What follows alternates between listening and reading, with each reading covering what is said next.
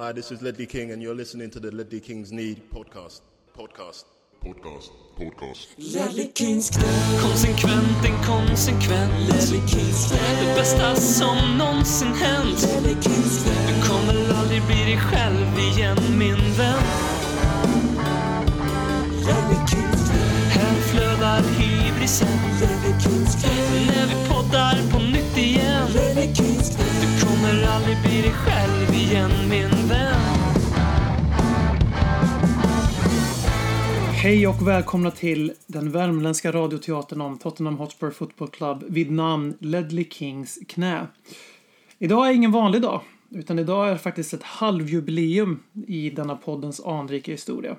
Podden som har fler titlar än fotbollslaget den följer senaste decenniet.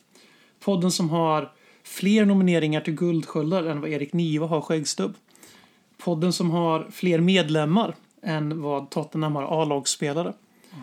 Och eh, det är alltså avsnitt 250 av den här radioteatern och för att ta hem det här i mål så har jag tagit in allas favoritkommunist Marcus Skägget Håkman. Hur känns det att sitta här idag? 250 alltså. Det var som fan. Ja, men det känns bra att sitta här. Inofficiellt är det 250 men jag känner ju med alla livesändningar och alla inofficiella poddar och sånt vi har gjort. Jag tror inte vi är där egentligen men det kommer stå 250 på Spotify. Avsnitt 1000. Avsnitt 1000. Ja.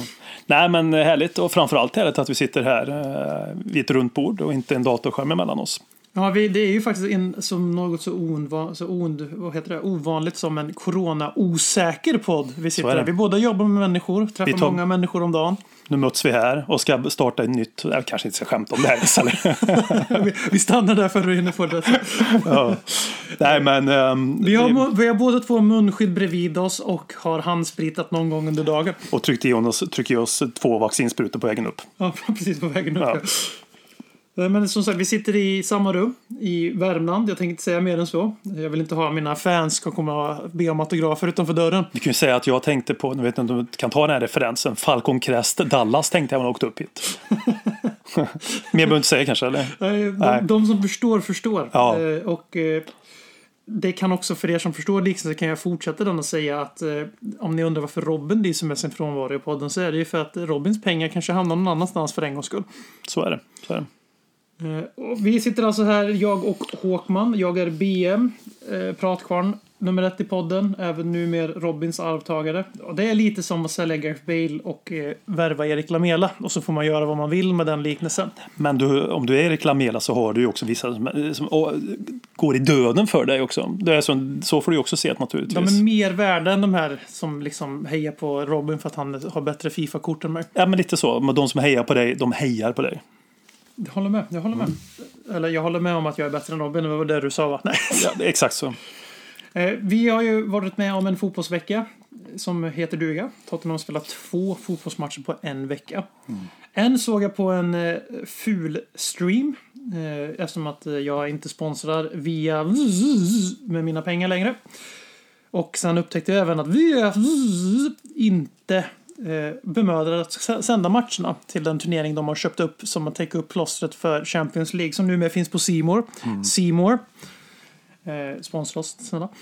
Och eh, när jag satt här och tänkte att vi måste göra någonting åt det här. Och sagt och gjort så löste sportchef Dronsfield då, idag en länk för er som vill se på Tottenham mot Pacos de Ferreira på torsdag. Eller imorgon eller vad fan det blir när ni lyssnar på det här. Det får ni lösa själva. Eh, så att via då Leddy Kings knä här så kan ni gå in på vårt Twitterkonto. Ni kan trycka på en länk. Ni kan regga för två månader Expressen Premium för 19 kronor istället för 79. Ni kan se Spurs, ni kan se oss torska mot Pacos, ni kan säga upp skiten på en gång. Eh, jag själv har faktiskt Expressen Premium och eh, tycker att det är faktiskt värt slantarna för de har ganska bra sportrapportering. Till exempel Kick and Rush. Som man inte behöver ha premium för att lyssna på. Men ni kan göra det. Eh, ni kan använda den där grejen på våran Twitter och se Spurs för 19 kronor på torsdag.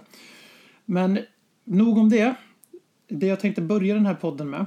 Det är att du ska få recensera, du ska få sätta lite betyg här. Jag har hört och märkt att det är väldigt populärt i andra supporterpodcast. Okej, vad har vi för betygsskala så då? Det kanske du kommer till. du kan få bestämma betygsskala för Ja, det du kommer få göra är du kommer få recensera höjdpunkten i våran ligamatch mot Wolves kommer Ja. du få recensera.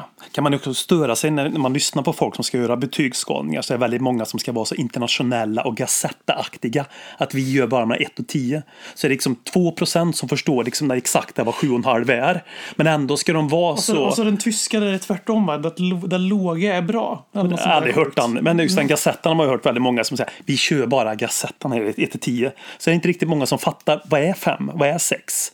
Men ändå ska man köra, är det inte lite grann för inbördes där? Nu har ju du läst det italienska språket men, men förstår du ändå, det har ingenting med Gazettan. Alltså, jag älskar italiensk fotboll. Ja, ja, Lite det- mindre nu när José Mourinho är där. Ja. Men eh, det jag har kommit fram till är ju att eh, nu, vi anglofiler som håller på Premier League-lag, vi är de här, över, vi är de här coola jockkillarna i klassen. Eller vi tror att vi är det.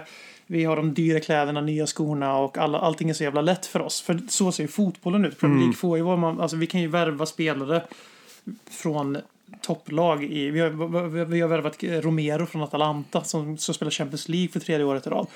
Eh, och han vill, hellre, han vill hellre sitta på bänken bakom Dyer och Sanchez i Spurs. Så liksom vi, vi är den, medan italienarna, de är, de är de här svåra killarna eller tjejerna i bak. Med, med lite så retrokläder, alltså de är hipsters. Jag har många ord för att säga att de är hipsters. Och Ja, de men- förstärker det väldigt mycket med det här halvitalienska surret. Men det är inte de här italienarna jag tänker ens på. Nu Nej, går jag ifrån nej. Utan det är de här som sitter och gör poddar på andra eller som ska prata om annat och ska ha betygsskala som är så smal. Alltså för den exakta innebörden. Vad är 7,5? Vad är 7? Alltså man vet ju inte exakt. Man förstår ju att ju högre upp du kommer ju bättre Det blir det. bättre, men så fattar man ju det inte. När man kör ändå det liksom. För att man ska alltså göra en synonym för att man är liksom en calcio-kille. Och är man en calcio-kille då är man det fullt ut och hejar på allt och alla som har någonting med det liksom, stöbellandet att göra. Även om det är Förutom antagonisten Milan som spelar man inte supporter i, Europaspelet och så vidare. Ja, ja. Jag, tycker också att italiensk fotbollskultur är liksom mer trevligare liksom, supportermässigt. Men, men ja, vill, alltså 1 till 5 väljer jag då. Det var väl inte, det var en, var en längre utläggning. Det var en längre utläggning Ja. för ett för. Eh, våran klippare kommer inte klippa någonting. Så om ni hör det här jag säger nu så har ni ett bevis på att, att vara klippare Ledley Kings knä är det enklaste man kan göra om man inte heter BM. För han kan inte. Och jag kan definitivt inte. Men du kan inte ens starta datorn själv. Så Nej, ärligt så är det. Jag Men klappade när han Så startade. det, vi, vi, här blir då, det är Wolves. Det var ju en sådär match. Mm. Och det som var roligast i den matchen var ju vad som hände när Harry Kane började värma upp och sen kliver in på planen där det blir en fantastisk, för att faktiskt ge lite cred till, för det är någonting vi gör i våran podd, att sabla ner brittisk supporterkultur ganska mycket, för den är rätt lökig. Jämfört med, Mm. Enformig. den är enformig, Mm. absolut. Eh, Men det här så visar ju de brittiska läktarna, som vi egentligen fick se, eh, de visar sig från sin bästa sida när de börjar skick- skicka ramsor fram och tillbaka till varandra. De freestylar på varandra och så adlar på varandras.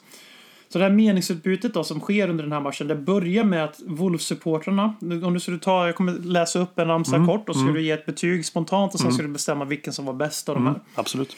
Eh, Det börjar med första salvan är att Wolves sjunger Harry Kane, he wants to fuck off. Harry Kane, he wants to fuck off. Betyg 1 till 5. Eh, tre. En tre, jag håller med. Det är mellanmjölkigt. Men man förstår vart det är på väg någonstans. Då svarar alltså Tottenham-supportrarna med He's one of our own Ramsson. Noll. Han är ju one of his own. Ja, men alltså noll. Ett.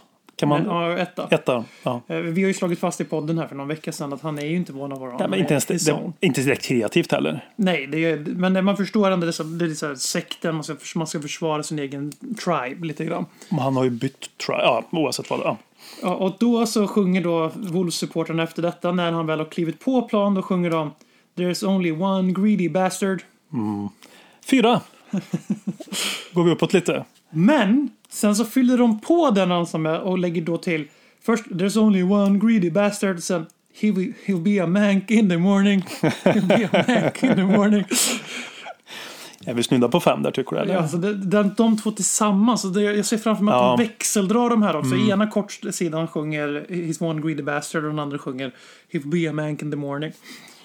Vi kör fem. Du kör en femma där. ja, det får jag göra. Högre betyg på Wolves än så länge. Det, det passar ändå ganska bra med matchen. Ja, det, ja, precis. Det passar ju ganska bra med vad du säger också. Så. Och sen sista svaret i det här fantastiska meningsutbytet. Det höll vi på i flera minuter här. Ja, jag hörde det. Vi, vi satt ju live i diverse chattgrupper och försökte uttyda vad som faktiskt sjöngs. Det tog över matchen, innehållet från läktaren mer. Eh, Jag tolkade ju då först fel att Wolves, alltså jag hörde två ramsor samtidigt, vilket var He's one of our own och den första Wolves där det, det He wants to fuck off. Så jag trodde då, jag trodde då på riktigt att uh, hemmasupportrarna sjöng He wants to move on. Vilket hade varit så här väldigt mjukt. Ett. Om det hade varit. Men då avslutar då Tottenham-supportrarna Faithful borta stå. De, eh, de avslutar det här utbytet med Harry Kane, he's worth more than Wolves. 2,5. 2,5. Ja, men nu kör jag Gazettan här lite grann. Men, men, ja, men, ja, men bättre om man kunde ha gjort det. Två säger jag. Två. Så det, då, snabbt Två. uträknat här så den bästa ramsan är ju tills, alltså kombinationen av Gre- Greedy Bastard och han, att han är en City-spelare imorgon. Eh, Alltså enskilt, eh, enskilt fyror. Ihop femmer. Eller femmar. Mm. Absolut. Och då, är- det, blir ju, det blir ju faktiskt en ganska naturlig övergång här till matchen som vi ska prata om alldeles strax efter en liten trudelutt. Långa poddar, långa poddar, långa poddar om Spurs. För den här matchen vi pratade om var ju precis som din rankning här av ramserna som vi har gått igenom där Wolves vann på poäng men förlorade ändå på läktaren för om liknelsen ska hålla, vilket de förmodligen inte gjorde för jag får ändå intrycket av att Wolves-supportrar de är hårda jävlar. De är ju något så ovanligt som de är ju också så här lite styrt av shady business i bakgrunden men ändå är de, har de kvar sin industriaura. Det är inte fancy fancy London liksom. Eller hur? Nej, det är inte fancy fancy London. Utan där, där får du ju liksom, ja. men som jag sa också en bild av att det är lite hårdare, lite tuffare. Det är lite jobbigt att hålla på ett av få engelska lag som har så... Vi har ju otroligt svag arbetarkoppling i Tottenham jämfört med i stort sett varenda jävla fotbollslag i, i landet. Förutom just eh, Londonklubbarna där, det, där eh, om man ska vara ärlig, West Ham och eh, Millwall är Ja, med Hammer och Charlton och Crystal Palace med hamnen och allt det där. Ja. Ja, ja men precis. Men Arsenal, Chelsea, Tottenham där. Men eh, som du var inne på med ramsorna så vinner ju Wolves matchen på poäng. Men Absolut. när vi sammanfattar den här matchen så har Nuno Espirito Santos Tottenham tagit en andra raka trea, en andra raka 1-0 seger och 6 poäng och 6 poäng. 2-0. Fortfarande ingen nyförvärv i elvan som vi kommer komma in på senare. Mm, På papper ser det jävligt bra ut, men hur såg det ut på plan? Ja, vad ska man säga om matchen på plan? Alltså det är ju ett Wolverhampton som trycker ner oss väldigt mycket och vi, vi, som, många, som alla andra såg naturligtvis också. Vi, vi får inte upp eh, positionerna i omställningsspelet som vi hade mot eh, Manchester City. När vi gjorde omställningar där så var vår utgångsposition. Vi vann bollarna högre upp. Centrala mittfältet vann bollen lite mer. Här eh, blir vi liksom ihopsjunkna bakåt. Om det är, eh, jag tror inte medvetet att sjunka ner så långt. Det är nog medvetet att vara omställningslag. Absolut, men vi, vi blir uppätna. Vi får aldrig upp eh, bollen, vi vinner aldrig momentum där uppe utan de bara återvinner bollen hela, hela tiden. Men utifrån det återvinningen de hade och utifrån det liksom pressen och eh, sättet de vinner mot oss i det momentet så skapar de inte sådär jättemånga heta, vill jag bara säga, heta målchanser. Jag kommer på, alltså... Tycker inte jag i alla fall. Det som ska vara mål är ju Traores friläge. Ja, hundra procent. Och sen har de någon situation, ja, efter, antingen efter en fast situation eller så ett inlägg där det är Nick som stryker i relativt, någon form av avslut som stryker ganska tätt kring ribban. Allt annat har ju Hugo hur bra koll på Och som de helst. har, har lite skott utifrån. De har det när Traoré kommer runt på kanten i Swan Own. Kommer runt på kanten och spelar snitten och bakåt och så klackar han vidare direkt efter eller vad han gör. Och så kommer det till, det Neves, vem det nu är, jag vet inte. Men det, Neves. ja, det är sådana lägen de kommer många till. Och det kan ju mycket väl bli mål. Absolut ett bra skott, man ger dem möjligheter. Men nu sitter jag inte och säger att det var lugnt under matchens gång. Absolut inte, så kändes det inte någonstans. Men ehm, och vi gör ju ingen bra match inte heller, vill säga. Vi har mycket att jobba på. Det här var eh, en eh, så här, så här kan det se ut ibland. Vi möter ett bra lag, men det är inget sätt vi kommer vinna över tid på. Om det Men ser det- ut så här. Det man kan sammanfatta är ju, jag håller med mångt och mycket, det är en dålig insats av Tottenham. Det som var så bra mot City, det var liksom självklarheten i offensiven när vi väl vann boll. Vi var, vi var orädda. Ja. Vi försökte vara exakt likadan i den här matchen, men Wolves var bättre på att stänga det för de, har en, de, de hyser en högre respekt för oss än vad City gör. Mm. City tror väldigt högt om sig själva på alla sätt. Eh, och eh, öppnar ju upp. Det, var, det är väldigt lätt att skära igenom Manchester City. Det, är- det är därför de liksom inte är bästa laget i världen överlägset. Det är för att de, har, de är naiva i sitt försvarsspel. Mm. Det var inte Wolves mot Tottenham. Eh, men där, trots det, det här så är det ju så att när man kollar på, alltså kollar man på höjd, höjdpunktspaket efteråt då är det fler farliga Tottenham målchanser än, än Wolves målchanser enligt mig. Pratar vi 100% målchanser? Ja. Absolut. Eh, Sen med det är inte sagt att, man ska, att det här är en jättebra match. En av de vanligaste, nu är det ingen som har ställt den frågan specifikt just idag, men jag vet att den har varit het på sociala medier. Det är här. eh, Varför är det ingen som gnäller på Nunos Tottenham efter den här matchen, men man hade gnällt om det var Mourinho? Just, var, Har inte folk fattat? Vi hatar Mourinho helt enkelt. Det är, väl, är det inte så? Det är väl inte, nej men, men det är ju det, det är ju en, faktiskt, ja, det är en av sakerna att man, man liksom avskydde personen, eller jag avskydde personen Mourinho. Jag bara säga.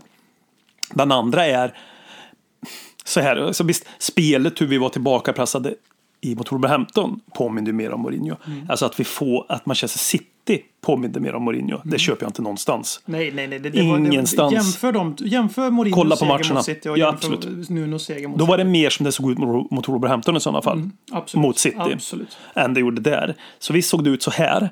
Samtidigt. Ja, vi möter Wolverhampton borta. Vi är där vi är och så vi kommer komma in på förut. Truppen är inte jätteförändrad. Nej, det är, sam, det, Det, det, det, är samma, det är exakt. Och det som är imponerande, alltså han har ändå fått en backlinje till att vara mer klinisk. När vi spelade här mot Mourinho så upplevde jag att backlinjen var ihålig. Offensivt kom vi ingenstans, Mm. Ja, vi- för då var det en lång boll. Men under Mourinho så behövde vi ta ner Höjberg och Cissoko och göra Ja. en sexbackslinje. Och det var så det var. Ändå funkar det inte riktigt där. Ändå var det många individuella misstag det tidigt på säsongen. Och Dyer är långt ifrån perfekt, men att jämföra Dyer nu, och han är inte den bästa backlinjen, du är Sanchez tycker jag. Att jämföra de två nu, vi, vi, alltså, vi pratar om att ha Dyer och Sanchez som mittbackar i de två första matcherna. Och vi går härifrån med två nollor. Alltså, hade någon sagt det innan så hade vi ju använt det som något skrattsegment i, i podden. Skratt och Tottenham-segmentet. Och det, det säger någonting. För så mycket klara målchanser, alltså vi ska bara bryta ner till det, har inte de här två lagen mot oss sett till att de, de har ju spelövertag. Absolut, det har de. Så det säger ändå någonting om en, att han har fått kan du smälla åt helvete nästa match, men vi pratar ju där, där vi befinner oss nu. Det säger ju någonting om hans människor egenskaper. Det är ju två extremt utdömda spelare. Ja, och sen eh, igen liksom det här, man springer väldigt mycket för varandra. Vi lyckas ju inte lika bra mot Wolves. Det är ju det, Nej, det är offensivt, 100%. det klickar ju inte. Det är ju, det är ju, vi gör mål på straff också. Jag tror inte, det är många som feltolkar det där tror jag, att vi gör rätt mål på straff. Och då har vi ju varit ordentligt tillbakapressade, precis som vi var i första Mm. mot City också, första tio minuterna. Sen är det ganska easy sailing mot City. Det var det inte mot Wolves. Eh, på samma sätt, för det kändes inte som att det var en matchplan mot Wolves Nej, nej. på samma nivå alltså som det var. Jag tror precis som du att just nu är vi ett kontringslag fortfarande. Det är inte possession-fotboll vi håller på att bygga just nu. Vi kommer inte kunna spela possession-fotboll med de spelarna vi har offensivt. Nej. Det är ju som att Det skjuta sig själv i det går- foten. Går inte, inte med den trean, det är, det är hjärndött. Alltså det är inte deras styrkor. Nej, de är nej. ju kontringsspelare allihopa. Alltså, det är inte så att jag inte köpte att Mourinho ville ställa om med de spelarna vi hade. Men vi kunde inte ens ställa om. Nej, vi hade ingen plan. Det var- funkar ju inte ens Kane, det. Kane sjunker lågt, Kane slår på djupet. Det är sånt. Ja, det var planen. Och här tycker jag, nu, nu funkade ju inte planen mot Wolves. Vi får ju Nej, nej. anta att planen var att göra en bättre insats. Men då vill bara säga, då funkade ändå utifrån den pressen vi fick defensivt mot oss så funkar ändå defensiven. Jag vet inte hur många procent bättre än tidigare förra året så funkar ändå den bättre när vi var under press. För det var ju inte så där mycket. Sen är det ju en inkompetent av Wolves som aldrig gör mål heller naturligtvis. Som har liksom svårigheter att omförvandla övertag till mål. Eh, Så jag menar, det är en kombination av båda sakerna. Men, men ja, ja, ja. På tala om eh, in inkompetens i ett annat ganska sevärt Wolves så är Adama Traore Mm. en spelare som det verkar som att Tottenham kommer lägga in ganska seriös stöt på här sista veckan av fönstret. Eh, vi, du, får, du får breda ut hur mycket du vill om honom sen och vad du tycker om Mm. den värvningen. Eventuellt. Men först måste du svara på Martins fråga här. Martin Jonliden på Twitter som undrar. I en armbrytartävling, vem vinner? Adama Traore eller Troy Deeney? Eller varför inte högoddsaren Höjbjerg? Jag tror att Troy Deeney vinner för han, han nitar han innan så att säga. Så att han är groggy och sen tar han i Troy anbrytning. Deeney kan avsluta, det kan inte Adama Traore. Och Troy Deeney är lite mer, han är väl han är tuff jävel tänker jag också. Man har, man är inte, Höjbjerg tror jag står sig ganska slätt i den här. Jag tror Höjberg är jävligt mjuk innerst inne. Jag tror inte han är så tuff när det kommer till Kolla på Sergej Reguilons Instagram, ni som har den appen, och se Höjbjerg ligga och ha någon form av tantra, eh, yoga. Har han det? Det gör ju inte Troy Deeney då. Eh, nej. Nej, och, på, och anledningen till att tar tantra är för det är riksnyheter nu att det var en tantrafestival i Värmland. Välkommen till Värmland. Som ökade coronaspridningen. Eh, Obekräftat om eh, frånvarande poddmedlemmar var där eller inte. Eh, Så, men Traoré är ju en spelare som sagt som jag tycker sammanfattar den här matchen. Våran matchplan fallerar. Wolves är väldigt bra. Vi är inte så bra, vi vinner ändå, jättenöjd med det. Adama Traoré är symbolen för det för mig, för att han var så, alltså han var outstanding i första 60 minuterna. Det gick inte att stoppa människan. Samtidigt så avslutar vi matchen med att han har bränt deras högkarate och målchans, han har gjort noll poäng. Eh, Nu snackas det om eh, att han kommer bli en Tottenham-spelare och i sådana fall då för sammantaget summa runt 40 miljoner pund när allt är sagt och gjort. Eh, Hur det nu läggs upp för att sprida ut kostnader, vem vet, vem bryr sig? Spontan känsla på att värva Adama Traore. Nej. Samma här.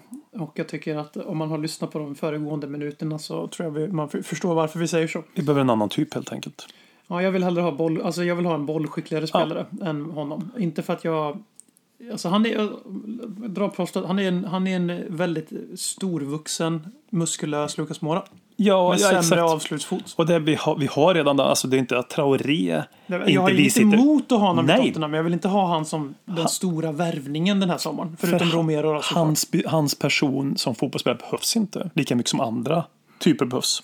Det är inte svårare än så. Ja, men vi byter in Jovan Lo Celso för att spela högerytter sista 20. Och han sjunker ner lite längre ner i banan Mm. än Lukas, absolut. Och det blir lite mer en diamant i slutändan när Kane kommer in också. Mm. Men vi ska inte behöva göra det bytet, för han ska inte spela på den positionen. Nej, Vi behöver, och, och då ska vi då värva, då kan man, visst det kan ju användas som ett argument att vi ska värva Traore. För då, får vi mer, då har vi mer like for like på kanterna. Då har vi Gill och, eller Hill och Bergman och så har vi Traore och så har vi Lukas. Men eftersom vi spelar 4-3-3 på det här sättet som vi gör så har jag svårt att se att, att tanken är att vi ska integrera Lo Celso i en djupare roll eller att vi ska ge en, en Dombel en sista chans. Och då blir jag sån här att hur ska vi rulla upp Watford i helgen som kommer? Om våra, om våra kreatörer heter Lucas Moura och Adama Traore. Och det är inte för att de är dåliga fotbollsspelare, det är att de är begränsade fotbollsspelare. De är inte tänkande fotbollsspelare, så har jag det sagt. väldigt bra sammanfattat. Nej, men det är väl att försöka få ett högre pressspel helt enkelt och vinna bollen högre upp. Det är väl så vi kan vinna de här matcherna. Att vi är aggressiva. Vi är Wolverhampton Ja. i vårt pressspel och lyckas vara Wolverhampton i vårt pressspel. För vi har ju ändå Sanchez där bak. Fan, jag pratar om honom som är positiva termer helt plötsligt. Men han har ju han snabbheten. nu. Ja, han har ju, man har ju snabbheten kunnat täcka upp ytor.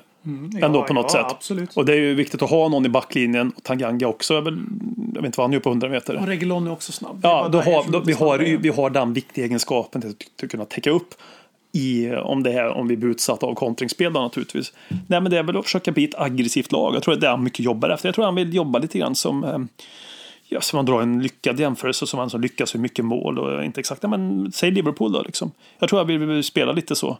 Och sen kunna vara omställning också. För vi, att vi är ute efter Traoré och inte ute efter en spelskicklig spelare. Det säger ju en del hur vi vill spela också. Då Det vill vi ju spela så här. Ja, och du har, hur? ja, ja, absolut. Och det får vi nog acceptera. Nej, ja, ja. Men det behöver inte se ut som mot Wolves. Nej, det behöver inte vara så det, liksom. Det var mobile. Det var ofrivillig mobile. Ja, exakt. Det, det är det jag, vill komma, jag glömde säga förut. Men en sak vi får, inte glömma här att det stora problemet med Mourinho de flesta Tottenham-supportrar var helt klara. Antingen så hatar man honom eller så gillar man honom. Så var det innan och så är det fortfarande idag. Det, ingenting förändras med honom. Det är lite det som alltid var min poäng med honom. Att ingen förändrar sin åsikt om honom för man har redan, man har redan bestämt sig innan. Så är det. Han är en vattendelare liksom. Ja, och Nuno är inte riktigt det. Men han spelar ju den här typen av fotboll i England. Det var han gjorde han i Wolves också. Med lite högre press än vad vi lyckades med sist. Absolut, och jag såg, man såg Wolves. Min magkänsla var ju när man såg dem och, och tittade på dem. Matcherna vi spelade mot dem och förlorade på Wembley med 3-2 mot dem och sen matchen att ja men det var inte så att Nej, det, inte- det hur, hur tråkigt. förlorar vi den här matchen? Nej, för det var inte tråkigt att se honom. hans Nej. Det var ju de trötta, de tråkade inte ihjäl sina motståndare. Det jag ser här är ju som du jättebra liksom med Klopps Liverpool. För om man kollar deras centrala mittfält, det är inte direkt eh, bollbegåvade gudar som Nej, spelar. utan det är inte. box to box och krigare. Exakt så. Och sen är det tre genier på topp. Som Eller är två, mycket- två genier på topp och en medelmåtta. Ja, men som är mycket, som, som, jobbar, som jobbar mycket. Då, Mm. som, som är starka i djupled, som är aggressiva i sitt spelsätt. Och Moran är mycket, han var inte bra nu, men han är aggressiv. Traoré om han kommer in, även om vi har deklarerat att vi inte vill ha honom, det står jag fast vid, så kommer han vara en väldigt aggressiv, stark djupledslöpare. Liksom. Så vi, ja. Eh, vi spelar ju faktiskt en match till. Vi behöver inte lägga lika lång tid på, på den för att det är ju, vi är inte den typen av podd. Men vi möter ju då Pacos de Ferreira i Portugal. Liga femma förra året i världens sjätte bästa liga tror jag det är. Eh, Den, alltså den bästa utanför de Big Five-ligorna. Och jag skulle ju argumentera starkt för att den här ligan är bättre än, än Liga med skillnaden att inte PSG spelar i exakt. Portugal. Eh, Men det är eftersom ligor rankas efter hur många poäng man tar i de här europeiska kupperna va. Så har man ett superlag som är sönderdopat ekonomiskt så kommer man att ha en högre ranking än man förtjänar. Och eh, jag var faktiskt, jag, ska inte, jag är inte så brydd om den här turneringen. Jag tycker att vi ska gå för att vinna turneringen om vi väl kommer in i den. För att det, vi är Tottenham Hotspur och vi ska inte tro att vi är för fin för någon turnering och samtidigt skrika efter troféer. Jag, jag, jag har lite svårt för så, den typen av hyckleri. Annan form av hyckleri både, tycker jag både är någonting att sträva efter och beundransvärt. Annars kan man inte ha en podd. Men jag blev lite avtänd, om man kunde bli ännu mer avtänd än att sitta och kolla på en ryss ful stream eh, på grund av VFZ. Och eh, med dålig uppkoppling och man fick uppdatera gång på gång och allt vad det var. Av att se att vi skickar ut alltså ett lag värdigt Harry Redknapp på Europa League 2012. Det vi har vi har stackars Christian Romero och Giovanni Lo i startelvan som ska vara någon form av garant för att det här ska vara, finnas kvalitet. Båda har haft en förkortad försäsong på grund av kåpa och bo, eller i alla fall Christian Romero dras med en skada. De ska liksom bära det här laget. Sen är det till hälften U18. Eh, Och då säger jag U18 för att ja, Scarlett har gjort några minuter i seniorsammanhang. Men han är inte en etablerad seniorspelare. Nej, verkligen inte. Sen har vi även, ja vi har med Ben Davis. Vi har Right, med några Young ja, vi, har, vi har med några sådana killar, absolut. Eh, sen är det ny, idel nyförvärv U18. Och vi går ju, alltså vi vaskar ju den här turneringen. Antingen det, Mm. eller så är Nuno otroligt arrogant i sin laguttagning. Jag kan inte se det på något annat sätt. Det här är alltså en Fifa-värdig rotation. Eller så är han arrogant och inte lika mycket arrogant när vi spelar på hemmaplan och slipper, Det, de det, slipper jag, resan. tror, jag tror också att det kommer vara slutet av det här. Att, eh, på grund av resultatet Mm. delvis. Men jag tror att det var planen från början att de här spelarna ska slippa resa till Portugal. Mm, tror också. Men i hemmareturen kommer vi inte spela U18 plus nyförvärv plus eh, spelare utan fitness.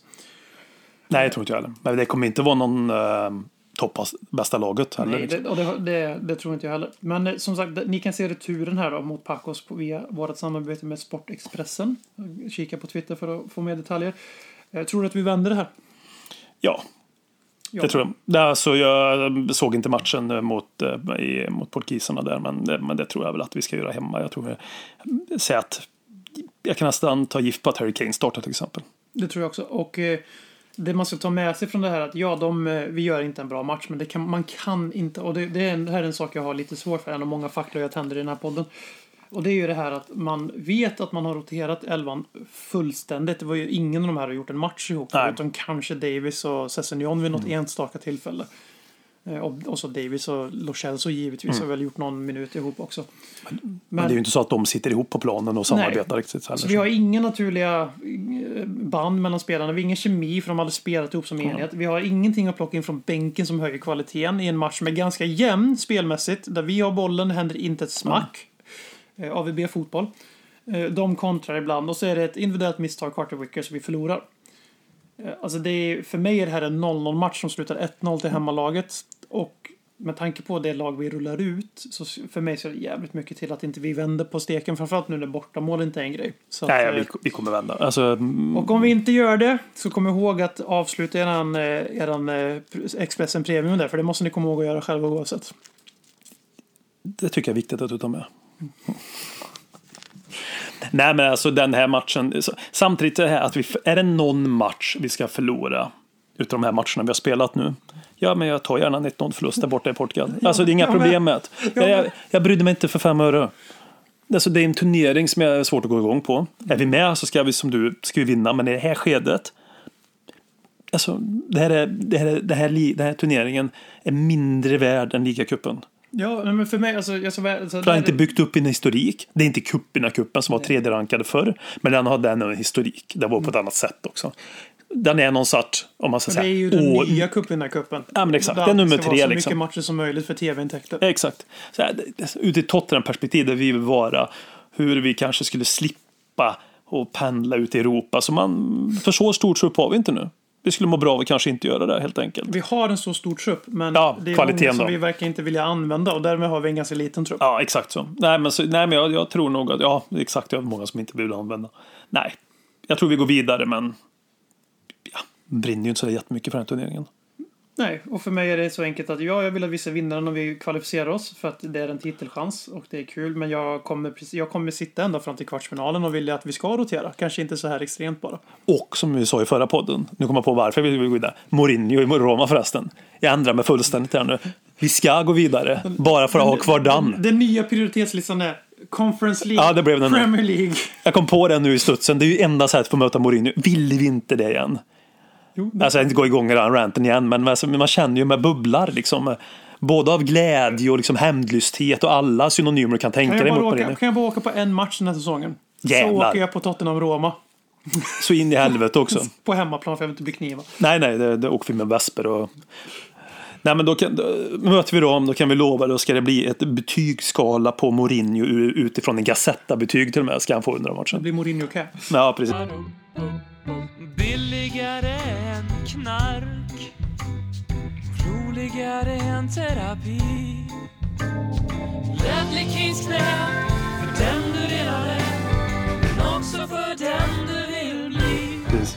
Oj, oj, oj. På Ja, tal om, eh, ja, det höll jag på att göra mot stackars Hugo, men om lite mer ikoniska figurer. För Mourinho är väl en ikon i fotbollsvärlden, inte så mycket i Tottenhams historia. Eh, Men en, en man som faktiskt är en ikon är ju Hugo Lloris som i helgen gjorde sin 300 Premier League-match och därmed övertog Darren Sicknote Andertons rekord som den Tottenham-spelare med flest PL-kamper.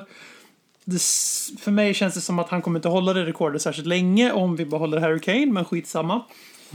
Eh, Och eh, du, ville, du hade lite du ville ta upp här om just det här med Hugo Lloris. Som eh, inte bara för att han Jag slog rekord. har slagit rekord Nej. utan eh, kanske bristen av fanfar. Att han slår, slår ett rekord som är ganska stort. Ja, men han, han har väl blivit det här, du vet, man har, man har någonting bra framför sig och så glömmer man bort hur bra det är innan det har försvunnit. Lite grann så känns det med Lloris så det är lite lätt att klanka ner på honom. Det fanns ju en period för några år sedan då folk ville ha Casanidja istället liksom. Alltså på riktigt allvar Ja, ha Casanidja istället. Det är helt sjukt. Alltså i min värld är det helt sjukt. Alltså, jag säger inte att Lloris gjorde varje... Han, hade, han har Men svackor. han, hade Han gör misstag. Han hade ju en längre Ja. svacka under den säsongen. Absolut. För att ge lite så här Ja, men jag köper det liksom. Men Casanidja kanske inte var gubben som vi skulle ha istället. Den stora arvtagaren. Ja, men liksom, han ser bra ut. Ja, det gör, That's det it. gör han jävlar i mig. Ja, that's it liksom. Han är också från Murphy. Murphy, Argentina, som Pochettino. Det ska man köpa också naturligtvis. Och det är därför han hamnar i Tottenham naturligtvis. Hur mycket av ditt agg, ja det är det ju på riktigt, men eh, hur, hur mycket av ditt agg är för att han kallades för Gassa av mig och andra? Ja, av alla nästan också. Det är, ju, det är också brist på okunskap. Man kan ju inte kalla... eh, Man kan ju inte liksom ta en till Gassa när den riktiga Gassa var Paul Gascoigne. Och när man såg att yngre gjorde det, ja men det kan vara också, men man såg att folk runt min ålder och äldre också definierade som Gassa. Ja, det är ju oförsvarbart liksom. Ja, ja. Det är, alltså, det är, det är, det är ju Det jättefel. är klart, det är som om jag, Det finns det en som jag Gassa. skulle börja kalla någon för Kino. Som Ja, men precis. som Kino. Ja, men du förstår, då har du parallellen där. Då vet du. Om vi det- köper han eh, Michael Keane eller vad han heter Evertons back. Ja, då blir han Kino med resten av Twitter. Nej, aldrig i helvete. Det skulle kännas jättefel. Ja, då har du liksom samma känsla fast Det är kopplat Craig till... Dawson blir Das. Ja, precis. Vi köper honom. Du hör ju själv. Ja, det Funkar inte. Jag förstår, jag fick öppna ögonen på. Ja, ja. ja, du öppnar ögonen själv lite med dina fantastiska jämförelser där. Nej, men Loris, alltså, han har ju varit tio år i klubben. Som det blir efter den här säsongen. Varit till stora delar en fantastisk målvakt. Eh, Har sina misstag som alla målvakter har, men sett till tio år och levererat som han har levererat. Och jag tror han har, förra året han rätt bra statistik tror jag. Kan ja, inte, yes. Han är bäst, bästa målvakten är shotstopping. Och det är ju enligt mig fortfarande målvaktens huvuduppgift. Sen det kanske inte ser ut som modern fotboll alltid längre. Men Och det är också en viktig poäng att ta. Att det viktigaste för en målvakt, även för mig, det är att vara målvakt. Det är inte att vara extra libero som Guardiola ville jobba efter. Då när Bravo skulle komma och Hart skulle lämna.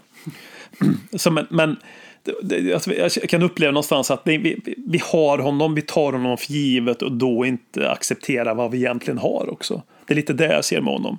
Folk vill säkert att han lämnar. Och så kommer folk märka när han har lämnat att fan, vi har haft en riktigt bra målvakt i tio år. Det är få fucking förundrat att ha det. Det är liksom målvakt. Du sätter inte Men- men målvakt du hur lätt som helst. Därifrån. Alltså, du, nu har ju vi haft Harry Kane så vi har byggt Ja. laget därifrån. Men i, i alla andra bollsporter i alla fall så du börjar med målvakten utåt. Och du sätter den inte. Jag menar när Schmeichel lämnade United. De var ute och vevade hur länge som helst. Inte de hittade någon jävla ersättare till honom. Som var värdig liksom på något sätt utifrån Men deras ko- måttstock. Kolla oss före det Hugo. Gomes, Cudicini, Pletikosa, Fina var Gomes. Brad. Friedel. Ja, men Gomes hade ändå en ganska lång session. Ja, fan, Men han, var ju, på, han står sig ganska slätt mot Hugo Lloris. Ja, kvalitetsmässigt. kvalitetsmässigt. Inte, inte på andra sätt gör han inte det. Men Han utklassar, utklassar alla på andra sätt. Men, men kvalitetsmässigt absolut. Men Gomes högsta nivå. Den var ju inte... Alltså, den var ganska hög. satan i gatan vad bra han var. Alltså. Men om man, om man stör sig på Loris svackor. Ja, ja men backa bandet till Gomes svackor så, så, Jag hjärnblödning Jag liksom. vet inte om det är Watford, det är kanske bara för att vi möter dem, men det är något, något lag, den digniteten. Han kniper första straffen, springer ut, skövlar ner Mm. Blackpool. Ja. Blackpool han, han tar första straffen, han skövlar ner straffskytten, nytt Ja. straff. Det är han i ett nötskal. Den där är den bästa sekvensen för Dåren och att beskriva. Gomes. Ja, exakt så. Nej, men det, det är väl lite så med Hugo Lloris. Jag vet inte vad du känner kring... Eh, Nej, är- fransos. Så, nu när man tänker efter, det är nio år, tio år blir det. Mm. Eh, han har varit ohotad detta i eh, nio, åtta och en halv av dem för AVB av någon anledning matchar in honom försiktigt där i början för Brad just det, vi hade ju Brad ja. Eh, Och eh, han har, han har haft binden väldigt länge. Han behöll binden efter rattfylla.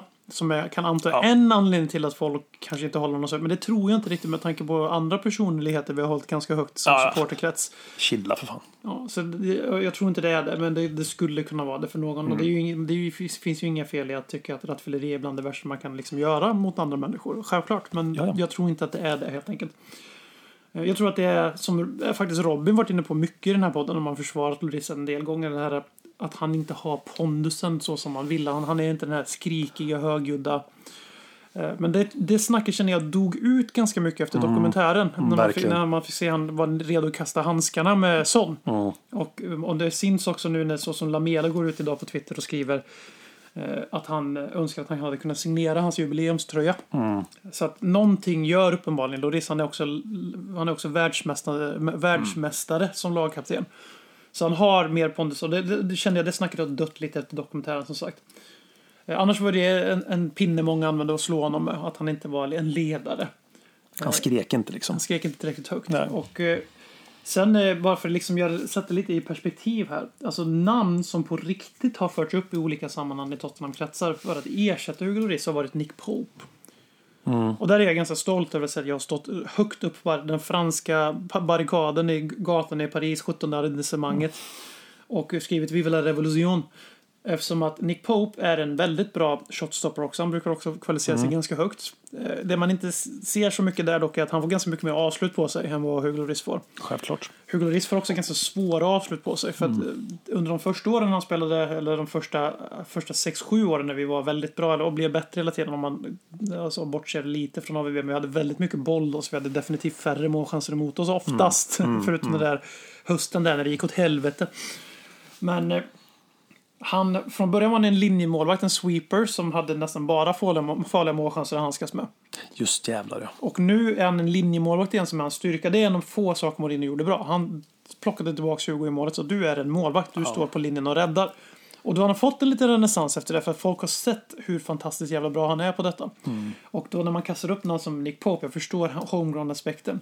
Men det är också det enda. Han är kanske lite bättre i luftrummet för det är väl någonting Loris faktiskt kan jobba med. Absolut. Att, Han luftrummet. Han har sina brister naturligtvis. Så, men annars hade han inte, han hade inte spelat, hade han inte haft, hade han inte spelat i Tottenham. Det som vi alltid pratar om, den enda spelaren som inte har någon brist som fotbollsspelare, om man inte låtsas att frisparkar är en brist, man inte, för då, det är ju världens mest överskattade målchans statistiskt. Ja, verkligen. Det... Harry Kane har ju inga brister som fotbollsspelare. Som människa verkar han ha några, tyvärr. Oh ja. Men Hugo Lloris har brister som fotbollsspelare och det är därför han har varit kvar i Tottenham så länge. För vi är fortfarande lite, lite, lite under de absolut största, största, största drakarna. Och de plockar de perfekta spelarna. ja, precis. Om man, om man ser de här kanske fem, sex klubbarna Ja. där ute. Liksom. Det- ja, liksom, exakt. Ja, men så är det. Också ett fantastiskt geni. Som vi pajade i Tottenham med ska- skador. Men han hade alla bitar som... Mm. Om allting klickade han kunnat bli världsklass. Då hade han också försvunnit efter tre år.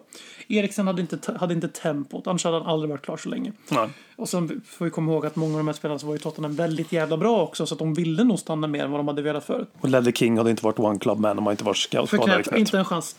Definitivt inte. Och det är lite det som... Han är ju precis under skiktet världsklass. Mm. Fortfarande. Han har utgående kontrakt. Han kommer med stor sannolikhet lämna efter den här säsongen beroende lite på vad intresse, för intresse det finns. Och lite vad som händer med oss och sådär. Liksom. jag tror inte att det kommer vara brist på intresse. Så kan jag sammanfatta. Eh, nej. Och vi kommer att sitta i augusti nästa år, september kanske, och beklaga oss över våra nya målvakt, att han Exakt inte så. är Hugo Lloris. Exakt så. Och eh, livet är ganska kort, så ta den här säsongen som vi har kvar Hugo nu och liksom uppskatta att vi har haft en så otroligt st- stabil och trygg sista utpost i tio år. För vi kommer fan inte se det på länge igen. Och värdig. Alltså bortsett, återigen, behöver inte alltid lägga in den här jävla rattfyllan. Alla gör misstag liksom. Låt det vara en gång, ingen gång. Eh, Men han känns väldigt värdig på många sätt också. Ja, absolut. En förebild. Mm. Eh, en förebild som gjorde ett allvarligt misstag. Så, så, precis som Leddy King eh, inte var särskilt nykter på de där bilderna som togs på honom. Precis där. som vi har gjort saker som vi inte berättar i podden också. Eller? Exakt så. Ja, men men jag menar, gå till sig själv om man gnä, ja, visst, gnäller på Det saker. hade, varit men, en, det hade varit en annan diskussion om man hade gjort en Alonso. Så kan man sammanfatta den punkten. ja, ja, då har han spelat Chelsea också. Ja, förmodligen. Eh, Hugo Lloris har ju två franska lagkamrater som kanske inte riktigt eh, har riktigt samma ikonstatus i klubben. En av dessa är den gudabenådade talangen Tanguy Ndombele som har gjort noll minuter för Nuno Espirito Santo. Som vill flytta. Det finns intresse från Bayern München och en onämnd spansk klubb enligt relativt trovärdiga källor. Först och främst Håkman, vad är, din, vad är dina känslor kring Tanguy Ndombele? Så jävla besviken. Det är det. Så, så, så, så jävla onödigt liksom. Sett till... Det är sånt jävla slöseri. Ja, det är alltså varför? Du behöver ju inte... Varför är du så här? Varför är hjärnan så konstig på dig? För det är ju det det handlar om. Så jag tycker inte, alltså, Eh, Alltså, alltså, man har ju lust, om man har sett den så har man bara lust att dra till den. På många aspekter. För han är respektlös mot sig själv och sin talang. Han är respektlös mot sin arbetsgivare. Nu är Tottenham man definieras som arbetsgivare, men så är det i deras värld. ja, ja Nej, men, jo, men det är ju det. Så. Men eh, det... Vi vet ju alla. Vi har ju sett glimtar av det och många gånger till. Absolut. Alltså, när vi fick honom, då tänkte jag vi fick han, hur fan vi lyckades landa en Dembele. Vi har fått någon som kan vara någorlunda Dembele-arvtagare liksom. Mm, absolut. Och, han, och, och där säger jag som jag alltid säger när vi pratar med dem. Det, det är exakt vad han är också. Ja. De är inte identiska, men de Nej. har samma funktion. Bryta första pressen. Och stark i kroppen, vrida och vända liksom. Och kunna transportera bollen. omöjligt att ta bollen av helt enkelt. Exakt, jag menar en Dembele där eh, behöver vi inte gå in på men det är ju som jag har sett början på vårt fall liksom någonstans Absolut. där. Absolut. När, Dembele. han, när, han, när hans höfter gav upp. Ja, exakt så. Och så kunde vi få en Dombele och det var ju säkert exakt så Porstin tänkte också. Och Lo Celso utöver det, som var Eriksens tilltänkta arvtagare. Jag tror fortfarande på Lo Celso. Men jo, men på papper så var förstår det vad du liksom, menar. fan, helt otroligt sommarfönster. Sessignon, Lo Fantastiskt. Celso, men för mig var det, jag älskar Lo Celso och, och Klara själv. Ja, ja. Sessignon är alltid fint att värva stora hem, hemgrä, hemgrävda, Ja, men- hemvävda talanger Fantastisk säsong i Championship liksom. Fantastisk säsong. Sjuk säsong i Championship. Ja, ja, Men visst. En Dombele var verkligen, det var kronan på juvelen. Det, höll på, det var bara. Debaya som, det var ju också nära, man höll på att komma i byxan. Men en Mm. Ja, alltså, jag sommaren. kollar inte mycket på fransk fotboll, nu lite mer som Pochettino är där. Mm. Men han tittar jag på. Och jag tittade framförallt på Lyon i Champions League. Till stor del för att titta på honom och Awar. Och jag, jag är med dig, det, det, det, känns tragiskt. Och jag tycker inte annars om att prata så här, "Åh, han är svagt psyke och fan bara skärp till dig, vi ger på honom en smäll, lalala. Men i det här fallet, alltså, det går fan inte längre och, och det finns ingen annan förklaring längre. Ja, men det är väl därför man är så jävla ledsen. För att man har själv gett upp tror jag. Ja. För att det kommer så många personer och försökt. Olika människor. Och det, Och det är inte, det är inte slutkontentan vilka jävla människor som är. Nej, det är det- Pochettino, det är Mourinho och Nuno som är liksom vida omtalade i Wolves-kretsar som en jävla demon när det kommer till att utveckla och motivera spelare. Jag verkar ju vara eh, jättefin människa också. Man hör lugn och sansad. Det verkar ju inte vara någon, det verkar vara en annan personlighet än Mourinho. Ja, han, är inte fastna han, är, han är inte psykopat. Så han, nej, Eller exakt. sociopat. ja, bra.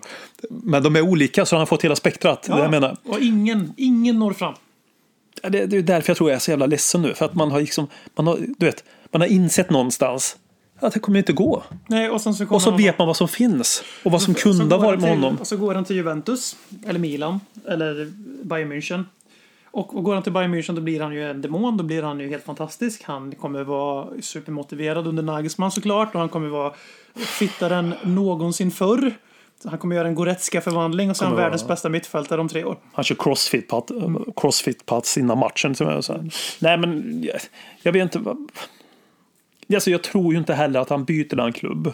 Jag vill ändå tro det. Någon form av liksom, man försöker trösta sig själv att det inte bara kommer gå på räls för Nedder till en början säkert. Han kommer komma och vilja visa nytt och momentum. Nej, men men, jag tror att det är någonting.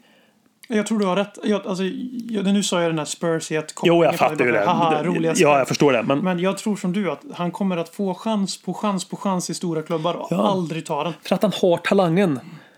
Alltså, då ska det vara någon som verkligen träffar rätt med en då. Mm. Alltså tränaren som är liksom på något sätt den enda tränaren som vi inte har testat ut personlighetstyp som funkar med på något sätt. Vad det är, det vet jag inte.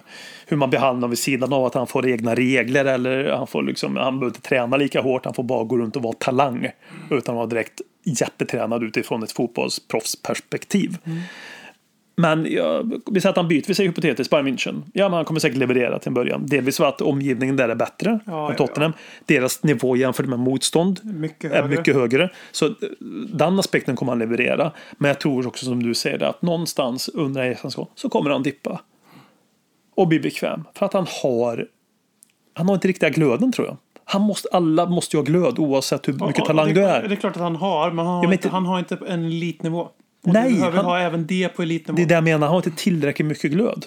Som Wassberg som jag har sett på över Atlanten här i dagarna. Han Thomas Wassberg? Var, ja, var Ja, ja, absolut inte en supertalang. Ja, det har Men- du glöd i alla fall. Men pannbenet var ju liksom inte gjort av denna, alltså vi, det, vi, det görs inte människor på det sättet längre. Alltså längdåkare överlag. Överlag ja, absolut. Och där är det precis, det, är bra, det blir en bra liknelse för alla längdåkare, du kan vara hur jävla duktig som helst tekniskt. Ja, ja. Om du inte har pannben så kommer du inte att Mm. bli världsklass. Måste ju träna sex timmar om dagen. Mm. Tänk dig Gunde Svan på tal om pannben. Liksom. Tänk dig att sätta Gunde Svan och försöka motivera. Det är kanske är det vi ska göra. Få Wassberg och bli personlig tränare åt uh, Ndobele. Vi kanske har lösningen. Det gäller bara att få tag i Nune här och förklara vad lösningen är. Nej, för det, det, det känns tragiskt. Alltså det är slöseri på alla sätt. För mig är han den näst mest begåvade spelaren. Han, nej, han är den mest begåvade spelaren vi har och den näst bästa spelaren vi har. Ja. Eh, så länge Harry Kane är kvar. Ja, det, det, Men, det, det, det är eh, så ledsamt. Så, Men Jag, har, Jag- jag spenderade en hel del tid i våras, slash tidig sommar, att försvara Lo Celso. För det är många som har den här bilden att en Ndombele har varit bättre än honom i Tottenham. Men det stämmer helt enkelt inte. De har ungefär samma antalet matcher gjorda. Mm. Och, och då har Lo Celso ju fått en orättvis stämpel på sig som skadebenägen. folk hatar argentinare helt Ja, enkelt. det har vi märkt. Eh, Och eh, det är den här poddens jävla skyldighet att lyfta den argentinska fanan och vaja den i vinden. Men det är också så att rent poängmässigt så är de ganska lika.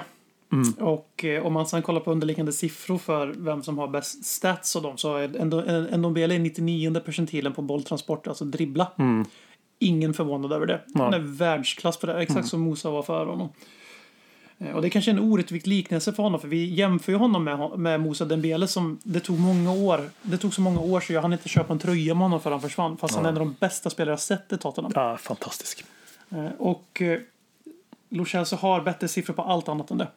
Och det, och det blir lite så här att nu har folk upptäckt att en Ndombele inte funkar och då hamnar han i den här, liksom, då blir han man lassar på istället. Men vi har den tredje sista fransman, vi gör lite mm. La France eh, segment här och det är Moses Sissoko. Tydligen ville Juventus inte byta sin unga amerikan McKennie mot honom. Förvånad? Ja, lite förvånad faktiskt. ja, jo, men man, man måste väl försöka i alla fall, eller? Eh, Serge Arier, eh, han är ju, jag vet, han, jag vet inte om han, han spelar för Elfenbenskusten så mycket vet jag, men jag Ja. tror att han är fransman Ja, också. han är Så egentligen fransman. de alla fyra. Och vi säger väl så här att Hugo Lloris, om jag får som jag vill, så kommer du vara ensam fransman i omklädningsrummet första september. Även ja. om jag egentligen vill att vill stanna kvar och bli vår bästa spelare. Men jag Man har gett upp. Jag har gett har, upp. det är ju det man har liksom. Det, det vi, ja. Men de andra två, bort. Jag har förstått att Aurier är en jävla bra klick i omklädningsrummet. Men jag tror ändå någonstans när vi skaffade Aurier, det var början på fallet också på något sätt. Fan vad jag har svårt för Aurier alla år. Men det, det har blivit lite så här för de här... den Också här för hans typ liksom som Det nya blodet som kom in Det blev det som här. kom in eh, Ja. precis när vi började falla. De har ju tyvärr blivit ansiktena utåt för förfallet när det egentligen var en rö- röta som Ja, det var ju flera aspekter. så. Det var ju flera aspekter Men liksom. det har blivit så. Han har ju verkligen varit en frontfigur för det. Var han som blev arvtagaren efter Kyle Walker till slut. För Ja, ja, fick inte en riktig chans att Pochettino att bli det. Eller jo, det fick han visst det, men... Och sen blev han nya rötägget efter Adebayor för på något sätt liksom. Det var inte så illa då, det vill jag bara säga. Men, men, men Nu vill jag dock vara tydlig med att rötägget vi har i truppen nu är Harry Kane. oh ja. Eh, Serge av allt Oh, ja. att döma är en väldigt uppskattad lagkamrat. Jag har förstått det. Men eh, det finns ju lite historik där så kan man väl sammanfatta. Eh, Så jag tänkte säga att vi går över till någonting muntrare. Mm. Vi skulle prata lite silly season tänkte jag. Då hade du igen en punkt där du ville prata om Don Fabio Paratici. Ja, alltså. Fyll gärna i här. Många, alltså, många verkar nöjda med hans jobb bara för att vi har fått en sportchef. Det är inte lite så? Alltså här och nu. Utifrån vart vi är när ligan startar. Utifrån och sen Beskriv vart vi är när ligan startar. Så att det vi, har inga nyförvärv i startelvan och då är det ju prat om att det här ska vara lite en rebuild liksom. Vi Också. har en tilltänkt ny startelva-spelare. Det har vi. Det, om man ska vara gen, alltså, Ja. ärlig. Men som du säger, vi har spelat tre, två ligamatcher, inget nyförvärv i startelvan. Nej, och det säger någonting om vad hans arbete fram tills nu. Att vi har, inte, vi har inte fått in så många i spel. Vi har ju några nyförvärv som inte riktigt där riktigt ändå naturligtvis. Som är tänkta att bli som Romero framför allt är. Eh, och Brian Gill är ju inte det, han är ju en coming man. Så det, den kan jag ju köpa. Men utifrån att vi skulle ha en process där vi skulle slussa ut och slussa in. Det är ju den aspekten jag väger in i. Så har ju inte han lyckats på det sättet här och nu. Sen kan man ju summera hans tid om två år, ja ett år och så säger man fantastiskt jobb. Men vi pratar ju utifrån där vi befinner oss nu så tycker jag han får mer beröm bara för att han syns mycket. Vi ryktas som alla, nu vad jag tror varför då. Vi ryktas som varje person. Det byggs upp en bild av honom som säkert stämmer via, vad heter han, Alistair Gold. Att han kroniskt är i telefonen. Då får folk en bild av att han jobbar, lägger ner tid, försöker hela tiden men det finns inte lösningar. Och så kan det vara, det säger jag inte någonting om. Så är det säkert. Det är Va? säkert delvis så. Men Ja, men eh, oavsett hur många telefontimmar han har så har vi inte liksom hamnat där vi borde vara nu sett till varför vi tog in en sportchef. Och sen vet ju inte vi exakt av anledningar hit och dit.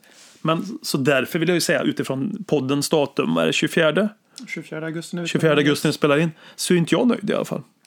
Nej, vi kan Varken vi summera- fått ut eller in, vill jag bara säga. Vi har inte fått ut heller direkt. Vi kan ju summera alltså in så är det ju om nu inte den här Papisar som vi har en fråga om du ska få besvara alldeles Mm. strax här. Eh, Så är det ju, det är Brandhill, Kostas Lamela och en relativt stor slant. Eh, Oh ja. Vi har tagit in eh, Golini som en ny andra målvakt som förhoppningsvis har lite högre tak än Joe Hart. Ja, absolut. Eh, Och sen så har vi plockat in då Christian Romero som jag tror är våran eh, bästa mittback ganska snart. Absolut. Och det, det är ju okej business. Alltså det, Ja. det, det gör inte, de individuellt, det är klart att det gör ont i hjärtat för Lamela och andra själv. Men det är en deal jag hade tagit. Alltså Ja. det, eller jag som jag accepterade när den skedde. Trots att han nu har gjort fler mål i Sevilla än vad Brian Hill gjorde. Och snart, snart har tangerat sin bästa målsäsong i Tottenham om man räknar bara ligaspel. På två inhopp. Ja, det är också... Ja. Men eh, så liksom de i sig väldigt nöjd. Jag gillar att det finns en ganska tydlig profil så som jag ser det på värvningar. De är oftast yngre. Det är U23 kan man sammanfatta slarvigt med vissa undantag. Eh, Det är spelare från andra ligor som vi kan trycka, hålla vår lönebudget under kontroll och vi får också mer, får mer talang för pengarna. För helvete, vi, vi, vi, vi representerar en liga där Jack Grealish kostar 100 miljoner pund. Och jag Och Ben tycker om- White kostar 5 50 miljoner pund. Och jag tycker de båda två jättemycket men de är inte värda de peng- prislapparna. Nej, Punkt. absolut. Eh, Och eh, där så ser man ju liksom han utnyttjar sina marknader. Han är ju inte heller så inkopplad i den brittiska marknaden än. Och han, jag tror att han inser att det är resurslöseri att bara värva där. Och där man måste vara smart och klok med sina värvningar därifrån. Eh, Det verkar som att vi håller på att värva en till som spelar som är Pape Sarr. Eh, 18-årig, ganska stor talang i Mets som har en statistisk profil som är fan med otrolig.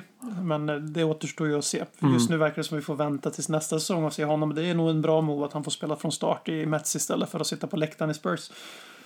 Så att liksom allting, om man bara tar, om man plockar loss bitarna. Vi skeppar eh, Toby Alderweirels lön, vi skeppar Lamelas lön, sänker lönekostnaderna och tar in bättre spelare eller be- framtidsspelare. Eh, som i mitt, enligt mig i alla fall så är Romero redan bättre än Toby. Mm, ja, ja. Så, så är det. Men, och det verkar som att Cissoko är på väg ut. Det verkar som att Aurier är på väg ut. Och sen så är det ju en Dombele och Kane-sopporna vi har och han- handskas med också. Så det här kan ju gå väldigt, väldigt fel det här fönstret. För tappar vi de två också, som de är våra enda spelare som har världsklass, eller förlåt, som, vi har tre spelare som har världsklasspotential i- som jag ser det. Kanske Romero på sikt. Eh, tappar vi två av tre och så ska man se hur det har gått då plocka in spelare, då blir jag jävligt orolig. Mm. Eh, jag, är all, jag är jätteför den här Georgien som är 20 bast. Jag är jätteför att vi tittar på Madueke från vår egen akademi som nu gör kaos i PSV. Jag älskar profilen. Det är, det är så, närma, så nära vi har kommit det där fantastiska fönstret på papper med Sessignon, Ntombele och Chelsea. Men innan det när vi hade Comoli och Arnesen och vi värvade bara unga britter. Hade Stoney, Phil Lennon, bla bla bla. Det är en tydlig profil för en gångs skull. Det är inte bara opportunity signing som det har varit de senaste åren. Vi plockar bara spelare om det, om det är en för bra möjlighet att tacka nej till. Men det är väldigt många frågetecken, det är väldigt många men, det är väldigt många targets samtidigt. Ingenting blir klart. Vi vet ingenting om den ekonomiska situationen så vi kan inte lägga det vid Par- Paraticis eh, fötter än. Men vi sitter här, tre omgångar har gått. Vi har mer frågor om kvalitetsspelare ut än kvalitetsspelare in. Och samtidigt verkar kravbilden fortsätta vara exakt samma från klubbens håll. Eh, alltså vi ska, vi ska komma till Europa är ju Tottenhams smått, smått förändrade kravbild de senaste åren. Liv har slutat säga Champions League-fotboll och säger European football. Och det är ju inte Conference League som är. Det är absolut minst Europa Ja, League. absolut. Det är ju Champions League egentligen. Men, Ja, men, men ja, som vi också kanske känner att vi vill. ja, men det är klart jag hellre spelar Champions League än Europa League om man måste välja. Men sen, det, vi kan liksom inte bara ersätta de här etablerade A-lagsspelarna med bara massa wildcards. Jag vill att vi gör det. Men då måste det göras också. Och sen är det verkligen så här för mig, vi har gjort en spetsvärvning. Vi, om vi gör en rebuild så behöver vi göra en, en spetsvärvning till. Framför allt om vi säljer Harry Kane. Och det var ju väldigt mycket snack om en anfallare och nu har det tystnat väldigt mycket. Vi kollar på Traore helt, helt plötsligt. Då började jag känna att Harry Kane var alltid planerad att säljas. För att så fort det var Martinez-spåret var dött och Vlahovic-spåret dog. Så började vi titta på yttrar istället som kompletterar Harry Kane. Och då blir man så här, okej, då och det kunde man kanske förstå. Att det egentligen var det som var fallet. Att det, och det, det vi har varit med om det förut. Men, så just nu säger jag, jag gillar profilen på det vi gör. Jag ogillar att allting läcker ut i media så det skapar en bild av oss som att vi inte får saker i mål. Som att vi är helt inkompetenta på marknaden. Jag tror att Par- Paratici egentligen bara undersöker varenda spår han kan. Och det är helt rätt. Ja, jag har inget emot att det är, alltså, det är väl att det kommer fram. Det, är lite, det gillar jag inte. Nej, nej, men att, att han slänger ut tusen kort samtidigt. Inga problem alls. Nej, men som, som du, jag blir orolig när vi går in mot Watford med största sannolikhet med samma startelva som vi hade förra året. Eh, minus Harry Kane. Och det sätter Minus Lo Celso och minus en Dombele. Ja, du hör ju själv. Du hör ju själv. Alltså, mm, ja. Och som du är inne på. När vi summerar detta, 31 augusti till och med, så kan det vara en helt annan ton. Fan, det- nästa avsnittsinspelning är ju på deadline day. Kanske vi ska göra en live istället för att ha inspelning. Ja, ja. Kanske, nej, jag ändrar mig direkt. ja. Men och så kan vi, vi kan se annorlunda ut då liksom. Men eh, jag, jag är inte missnöjd med den. Jag vill bara göra klart. Det är inte så att jag tycker det är helt rätt. utan Jag Nej, alltså, tror på han, han får hyllningar på en nivå som är bara... Han får väldigt mycket hyllningar för sin vision. Han är- men han- han är utövandet är inte klart. Han är, alltså om, några år, om detta hade varit hans tredje fönster så hade det inte alls varit på samma sätt. Om vi jämför Loris med, med sportchefen. Liksom. Så, nej, nej, jag, Jag, jag känner med Paratici att jag är fortfarande optimistisk över att vara Ja, ja. sportchef, för vi behöver ha det. absolut. Eh, Jag gillar hans vision som den ser ut. Jag har svårt att säga mer än två av fem på fönstret just nu. Kanske tre av fem om man lägger in alltså löneaspekten också. Men jag ärlig, det är inte mina jävla Vi pengar. skiter i det liksom. Det jag känner också pengar. Eh, Så att eh, vi får se. Det kommer förmodligen hända en hel del sista veckan. Och eh, den stora grejen. Jag tror ju att Harry Kanes helt plötsligt återupplivande på sociala medier Mm. är för att han har fått ganska tydliga signaler att du ska ingenstans. Eh, Och då är det en annan, helt annan diskussion. Men jag tänker vi släpper silly-snacket där. Förutom sista frågan du ska få om just det här ämnet. Mhm. Eh, Och så återkommer vi. Kanske det är efter eh, inspelning någon annan dag nästa vecka eller någonting sånt där. Mm. Eftersom att vi, det är silly season. Och då är det ju då en fråga från Tobias som var faktiskt före vi bad om frågor. Men han frågar oss då, behöver vi vänta tills nästa säsong innan vi pumpar upp Papesar till 2022s bästa värvning? Eller ska vi göra som Arsenal med Saliba och kora honom som bästa värvning direkt? Ja, ja, det är en helt fantastisk jävla fråga. Alltså. ja. Hur, Vi, många, hur många matcher har Saliba gjort i Arsenal? Ja, Jag, vet vad, jag tänker fuska. är han kvar? Jag tänker, jag tänker googla den här fantastiska supervärvningen. Men han skulle väl göra kaos med hela Premier League va? Och Han var så jävla bra var han. Han är i Marseille nu. Ja, Marseille, det är ju fint för- förresten. Han har gjort sex matcher för Arsenals U23-lag. Denna fantastiska... Han är fortfarande bara 20 så han är säkert Ja, ja, ja. fortfarande. Men han har alltså gjort sex matcher för Arsenals U23. Ja. Så om Pape Sarr har gjort sex, eller han har gjort sju U23-matcher 2023 när han är 20. Så är det liksom. Då är det en bättre värld. Crème de la crème. Ja, men då förstår vi vart nivån ligger där. Nej, jag, vet fan ingenting om Papesar, men, men ehm, jag har ju läst om den och det verkar ju vara unison hyllningskör och ja, en Ja, riktig guldklimp. Alltså på papper är det amazing. Sen så, jag tänker inte sitta här och låtsas som att jag kan säga någonting med ögontester. Men på, lite pumpas man igång av det bara kanske också när man läser om det. Det har i alla fall jag gjort. Man Jo. vill, ju, man vill ju ta de här halmstråna också naturligtvis. Och sen, så, sen ska man ha väldigt klart för sig att man ska inte undervärdera statistiska analyser eller alltså analyser av spelare för det är definitivt en ganska stor del av scouten. Säger någonting, säga. Säger inte bara- någonting i alla Det är fall. definitivt inte bara ögontest längre. Nej, nej, nej. nej.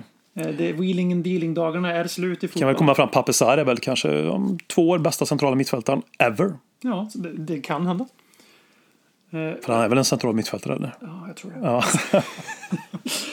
Eh, vi har, det var en lyssnarfråga. Vi har några fler givetvis som ska avrunda eh, den här veckans eh, avsnitt av Ledley Kings knä. Värmlands radioteater om Tottenham Hotspur. Och jag får mycket beröm här från förra veckan för att jag gjorde en väldigt, väldigt fin liknelse på Mourinho. Jag beskrev liksom känslan av att släppa ringen i Mordors eh, domedagsberget. Så jävla många som ser på sådana här film, skitfilmer alltså. Ja. Det är ju beklämmande Det visserligen. här är perfekt att du lägger upp det så här för nu blir det vägen smash här. För Jonathan undrar nämligen att om vi kan göra en likadan, en liknande spot on liknelse fast som Nuno istället. Om Mourinho är Sauron och hans tid vid rodret var ringens inflytande på oss. Då är liksom, vad är Nuno för känd litterär karaktär eller filmkaraktär? I vad som helst eller? Ja, ja. Nu, vad kan han vara? Ja, jag måste ju någonting väldigt gott och fint. och Så kanske han inte har vunnit så mycket men ändå har hjärta på rätt ställe och kämpar. Och lite, slåss han inte lite uppåt känns det som nu? Okej, okay. Okej, ja, men, eh, då gör jag en jämförelse som kanske väldigt få kan, precis som eh, de flesta kan den du drog. Då. Ehm, eh, jag säger säger lite så här, Cliff Barnes, säger jag liksom. Cliff Barnes i Dallas. Du nickar men du har ingen aning vad jag pratar om. Nej, jag, jag, bara, jag nickade för att jag kände Jag förstår. att, nu kom, Dallas kom igen. Dallas kom igen. Nej, men jag blev inspirerad när jag kom hit. Och så har du Cliff Barnes och så har du antagonist som slåss uppåt och kämpar mot eh, de storfräsarna. Om nu George Ewing får vara Mourinho så får Cliff Barnes vara, får Nuno vara Cliff Barnes. Det är ingen superbra kanske, men jag kommer inte på någon direkt sådär. Men Cliff Barnes säger jag. I lite modern kontext så är Nuno för mig Jag tror inte jag kommer få lika mycket hyllningar av den jämförelsen här för Så mig. nu, Nuno är Mace Windu i Star Wars för mig. Han, är, han har lite ondska i sig, alltså lite Jag tror vi i ser sig. väldigt mycket olika filmer du och jag. Tror Det jag. tror jag med. Och, eh, men han är fortfarande en jävligt... eh, Vem är det i Star Wars då? Det är eh, han med lila svärd. Samuel L. Jackson. Det är klart att finns det någon film Samuel L. Jackson inte varit med i? Ingen aning. Det- Han är Dallas. med överallt. Ja, han är med överallt. Alltid, birollernas biroll. Det är en biroll han har. Det är. Och det är li- lite så för Mourinho, hur man än vrider och vänder på, är en huvudkaraktär. Han är en ond jävel. Nuno Ja. är en biroll som har väldigt mycket kraft i sig, men också lite, eh, lite, lite ondska i sig. Han har ändå lite Mourinho-tendenser i sitt spelsätt då. ja, ja. Är de här nya Star Wars-filmerna med? Ja, de gör det. Inte de här skräpen som kom ut eh, för 70-talet fem, sex år där. Eller fem, sex år sedan. Hur många Star Wars har gjort? Är det Nio nio? nu. Ja, du ser. Eh, vi, har lite, vi har Anton här som eh, ställer en fråga som är Davidson Sanchez, Jong-Min Son, Harry Kane. Du ska starta en, du ska bänka en, du ska sälja en. Vem väljer ni till vad och varför? Det är alltså fuck, marry, kill fast med starta, bänka, sälj. Så du måste sälja en av de här, du måste bänka en av de här, du måste starta en av de här och du måste också motivera. Ja, alltså startar ju med sån. Son startar. 100% skriver på ett nytt femårskontrakt. Skriver på femårskontraktet när vi inte alls är på topp. Visar kärlek. Och du sa han hade Det krävs säkert... jävligt mycket mer mod att välja att bli symbolen när det går neråt. Ja, än exakt. att försöka hoppa av skeppet. då. Fy fan man höjdes utifrån det du sa. Ja. När det går neråt, han stannar kvar. Fyra år kanske det var. Han Men- surrar fan fast sig i mastjäveln på skeppet när det håller halvvägs ner i Atlanten redan. Han känns så genuin nu han pratar om det också. Så sån alla dagar i veckan. Eh, vem bänkar vi? Det gör vi ju Sanchez naturligtvis. Vi tar in Romero från start istället. Eh, Ja men precis, ja, men vi bänkar honom. Eh, för att... Eh, Eftersom vi inte fick bänka Dyer. nej, och jag, det var de här tre spelarna va? Ja. Och jag, ja, precis, exakt. Dyer är ju, mm, Dyer är ju en eh, ja, fanbärare. Men eh, bänka Sanchez utifrån att han ändå är, inte är Harry Kane helt enkelt. Om det är motivering nog. Han har inte pissat på klubben. Nej, och... Vi säljer Harry Kane. Ja, och eh, det, alltså, det är ju på riktigt för mig. Så Jag här, känner ingenting för Harry Kane längre. Det är dött. Det är Alltså, dött. han, gör han mål för Tottenham, jag kommer ju jubla. Men det är för att han gör mål för Tottenham. Ja, det är inte för att det är Harry Kane. Förut var jag glad för Harry Kanes skull. Jag var glad för att han närmade sig målrekord. Jag var glad för att, äh, men du vet, stolthet för att han var en så stark symbolik för klubben. Mm. Att folk på den där matchen, det pratar vi inte om det var att få en 30 sekunder här. Att folk på den där matchen, så många så hörde så mycket, sen kanske de rattade upp volymen. Unisont sjunger He's one of our own. Han förtjänar inte det. Alltså, Han behöver inte, vi behöver inte bua honom heller. Det tycker jag inte heller vi ska göra. Vi behöver inte bua honom. Vi behöver inte sjunga den. Behandla honom som att han är, jag vet inte, vem ska vi säga? Ja, Scarlett som kommer in. Ja, men, eller att han... Nej, nej, nej, för det är ju egen produkt. Ja, det är det. Alltså, Men- men- behandla honom som att han är... Vad fan ska man Sissoko. Han. Nej, för alltså Harry Kane, alltså, det är klart, jag... eh, Det finns ju någonting i mig som gillar att man ger alltså, stöd. För att så länge han är kvar, alltså är han kvar, då är han ju kvar. Men det som har hänt för mig, jag har varit inne på, jag tänkte ta upp det igen, men det är ju det här att det har ju blivit liksom nu var man väl naiv som höll fast i den bilden av honom eller moderna fotbollen överlag. Men han var någonting större än en spelare för mig. Absolut. Och eh, jag trodde inte jag skulle ha någon som följde med i den ända upp i 30-årsstrecket för mig själv personligen. Och jag visste att, eh, att han, han de senaste åren har han börjat en liten korrigering och börjat prata väldigt mycket om sin ambition. Han, är- det fan det är tre år sedan, före Mourinho så började han ju prata om, jag har aldrig sagt att jag ska stanna bara för stannandets skull. Det var ju Mourinhos första vår där, när det var coronauppehåll. Då gjorde han ju den intervjun. Så den här liksom justeringen mot där han är idag, där det tar veckor in på säsongen för han lägger upp eh, något jävla inlägg på sociala medier när vi har vunnit en match. Eller att han visar att han tränar med sin klubb. Alltså det säger så mycket och det... För mig så det kommer aldrig repareras. Jag förlät Robbie Keane när han kom hem. Jag förlät Gareth Bale när han kom hem. Och jag kommer förlåta Harry Kane också, men jag kommer aldrig att glömma. Men, det- du säger att man ska eh, supporta. Jag tycker inte han förtjänar alltså, Jag tycker inte han ska buas åt. Absolut Nej, inte. Det- Noll det- procent. det Där är, där är jag det- väldigt det är enig. för hårt. Ja, men det, alltså, Han det är fortfarande representant för Tottenham. Exakt så. Men han förtjänar inte. Alltså, det störde mig på att han kommer in där, supportrar sjunger. som ingenting har som hänt. ingenting har hänt. Nej. Det vara knäpptyst. För det är en sån stark signal mot vad han brukar vara van vid. Mm. Är det knäpptyst med de typen av ramser då kommer ju han... Ja, men jag tycker bara... Det är Nej, rimligt. men- det är rimligt liksom. Jag tycker inte heller han förtjänar det. Sen är det så här liksom, när jag säger Han har ju varit otrogen, för fan. Man, ja, men, men så här, förlåta med det. Det det är så här, han spelar för Tottenham. Det, jag vill att det ska gå bra för Ja, Tottenham exakt. och då är han en ganska central del av det. Att man Absolut. förlät Keane och Bale det var ju för att båda två kom ju hem med liksom glorian på sniskan och eh, eh, de hade, de, hade, de hade mycket mer legitima skäl att forcera iväg sina flyttar än Och Kane de var inte. Kane heller liksom. Nej, alltså, man, jag vet att du Kane. älskar inte- fullt ut. Jo, men, han alltså, var inte Kane. Han var köpt. Ja, vi det är det jag menar. ganska mycket pengar för den tiden. Exakt så. Det går inte att jämföra, jag håller med. Eh, vi har en fråga som jag borde tagit när vi pratade om Conference League, men vi, vi städde ju av den biten ganska snabbt för att det är Conference League. Ja, exakt. Eh, och det är från Solomon här, så vi ser om jag hittar den, för den var en lång fråga. Eh, det gjorde jag inte. Så då återkommer jag till den alldeles strax och så ska vi ta min favoritfråga idag istället. Och det är ju hur mycket betyder det, alltså Axel Sandbäck som frågar oss, hur mycket betyder det för La Ligas image och popularitet att Argentinas bästa vänsterfotade fotbollsspelare kommer till ligan att ha det var första delen av frågan. Och tar Sevilla hem det i år eller?